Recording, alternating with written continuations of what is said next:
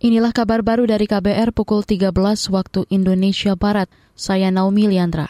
Wakil Presiden Ma'ruf Amin menegaskan istana tidak pernah mengintervensi jalannya penyelenggaraan pemilihan umum pemilu. Ini merujuk pada pertanyaan awak media yang meminta respon soal pernyataan Koalisi Masyarakat Sipil Kawal Pemilu Bersih soal adanya percakapan WhatsApp yang berisi dugaan intervensi istana terkait verifikasi faktual Partai Gelora. Saya kira sudah dijawab oleh Presiden istana Gak ada itu. Hanya kalau ada terjadi apa-apa kemudian alamatnya ke istana. Padahal istana tidak pernah ikut campur ya.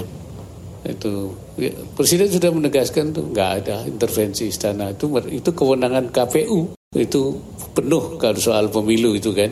Wakil Presiden Ma'ruf Amin mengatakan penyelenggaraan pemilu adalah tugas yang diemban oleh Komisi Pemilihan Umum KPU. Kalaupun ada kecurigaan, kecurangan, ada Badan Pengawas Pemilu atau Bawaslu yang menanganinya. Dewan Perwakilan Rakyat DPR mendorong pemerintah melanjutkan penegakan hukum terhadap pelaku pelanggaran hak asasi manusia HAM berat masa lalu. Anggota Komisi Hukum DPR Taufik Basari mengatakan penuntasan penanganan yudisial merupakan bentuk pemenuhan keadilan bagi korban peristiwa HAM berat.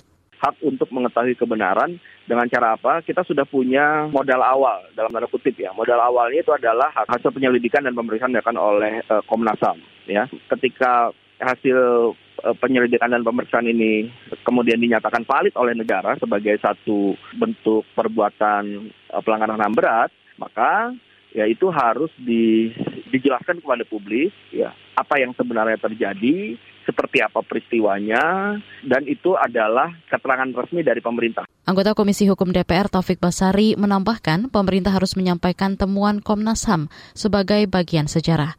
Selanjutnya, negara juga harus mengidentifikasi seluruh korban pelanggaran HAM berat. Politikus Partai Nasdem itu juga mendorong agar negara memenuhi hak-hak korban, termasuk alokasi anggaran dengan pelibatan DPR.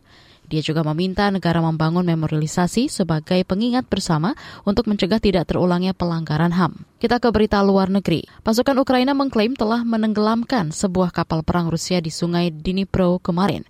Mengutip AFP melalui unggahan di Facebook, staf umum Angkatan Bersenjata Ukraina menyampaikan kabar tersebut disertai foto inframerah yang menunjukkan kapal patroli itu terbakar. Meski begitu, belum diketahui kapal jenis apa yang telah ditenggelamkan Ukraina tersebut. Kapal itu sebelumnya dilaporkan berada di delta sungai Dnipro yang membelah utara Ukraina dengan ibu kotanya, Kiev. Sungai terletak di dekat Kherson, kawasan yang sempat diduduki Rusia namun telah direbut kembali. Kementerian Pertahanan Ukraina juga mengunggah jumlah kerugian harian dari pihak Rusia, termasuk serangan terhadap kapal perang tersebut. Demikian kabar baru KBR, saya Naomi Liandra.